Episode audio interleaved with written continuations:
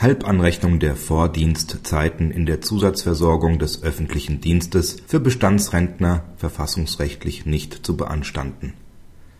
In seiner Halbanrechnungsentscheidung vom 22.03.2000 hat das Bundesverfassungsgericht in der bloß halben Anrechnung von Vordienstzeiten von Beamten bei der Berechnung der Zusatzversorgung einen Verstoß gegen den Gleichheitssatz gesehen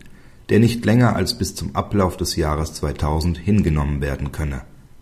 Der BGH hat diesbezüglich zutreffend angenommen, dass das Bundesverfassungsgericht damit nicht gemeint habe, dass für alle Rentner, insbesondere auch für diejenigen mit einem vor dem 01.01.2001 liegenden Rentenbeginn, die Rente ab dem 01.01.2001 nicht mehr von der Halbanrechnung beeinflusst sein dürfe es ist mit der Halbanrechnungsentscheidung des Bundesverfassungsgerichts vereinbar, den Ablauf des Jahres 2000 als den Zeitpunkt für den Beginn der erforderlichen Systemumstellung zu verstehen,